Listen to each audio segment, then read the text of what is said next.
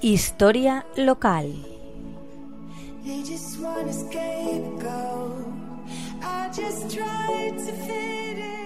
Buenas tardes, amigos de la Tegua Radio.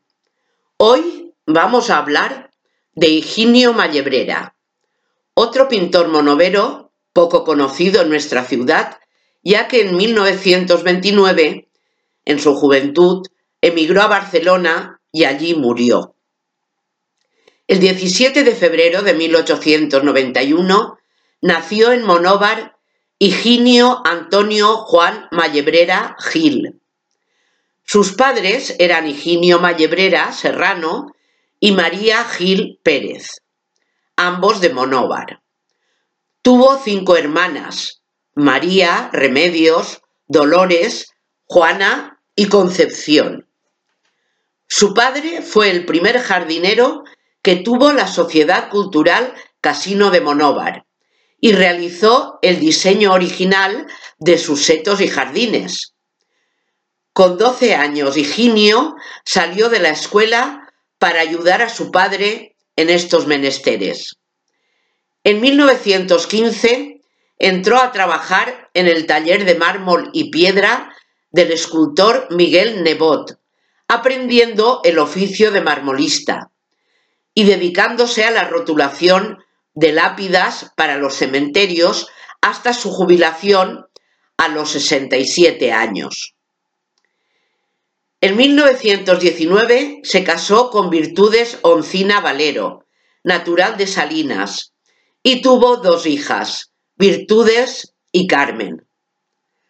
Su esposa Virtudes falleció con solo 25 años a causa de una neumonía. En 1926 se vuelve a casar con Amparo Tormo Durá y en 1929 ya se traslada a Barcelona para trabajar en la Exposición Universal.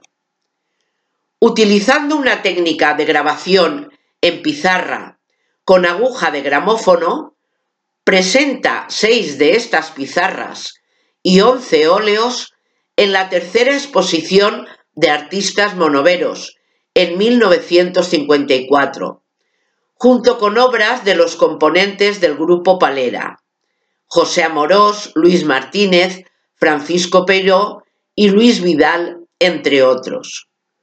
Para entonces ya se había casado en terceras nupcias con Rosa Calvet Areni. En 1960 intervino en el octavo concurso nacional y provincial de pintura, organizado por la Diputación Provincial de Alicante. Su producción fue limitada e intermitente, ya que ésta, realizada con lentitud, a su modo clásico científico, y en las horas libres que le dejaba su oficio de marmolista. Tras su jubilación definitiva a los 70 años, Higinio pudo dedicarse de lleno a la práctica y el estudio de la pintura. A menudo se enfadaba por la fama injustificada de determinados pintores, así como con los críticos y galeristas, y sufrió numerosos sinsabores. Solo más tarde, al final de su vida, a punto de abandonar su lucha, tendrá el reconocimiento a tanto autoevidencia de su valía. Conoció por entonces al psiquiatra y escritor Juan Antonio Vallejo Nájera, quien lo incluirá en su libro de naifs españoles contemporáneos.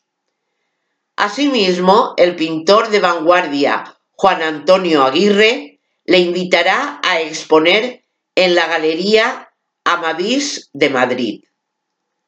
Los desvelos y el proselitismo de su admirador Aguirre tienen su efecto y en la exposición constituirá un sonado éxito de crítica y de ventas, alcanzando finalmente su pintura el reconocimiento que el artista tanto anhelaba. Pintores de vanguardia como Alcaín, Gerardo Rueda y Zobel entre otros, le, adquirirían obras en dicha ocasión. Más tarde, después de su muerte, su obra se divulgará en varias exposiciones. Importantes museos españoles, como el Instituto Valenciano de Arte Moderno o el Museo Nacional Centro de Arte Reina Sofía, heredarán o asumirán algunas obras de su arte. Murió en Barcelona en febrero de 1980, a los 89 años de edad. Pues hasta la semana próxima, amigos de la Tegua Radio. Un saludo muy cordial.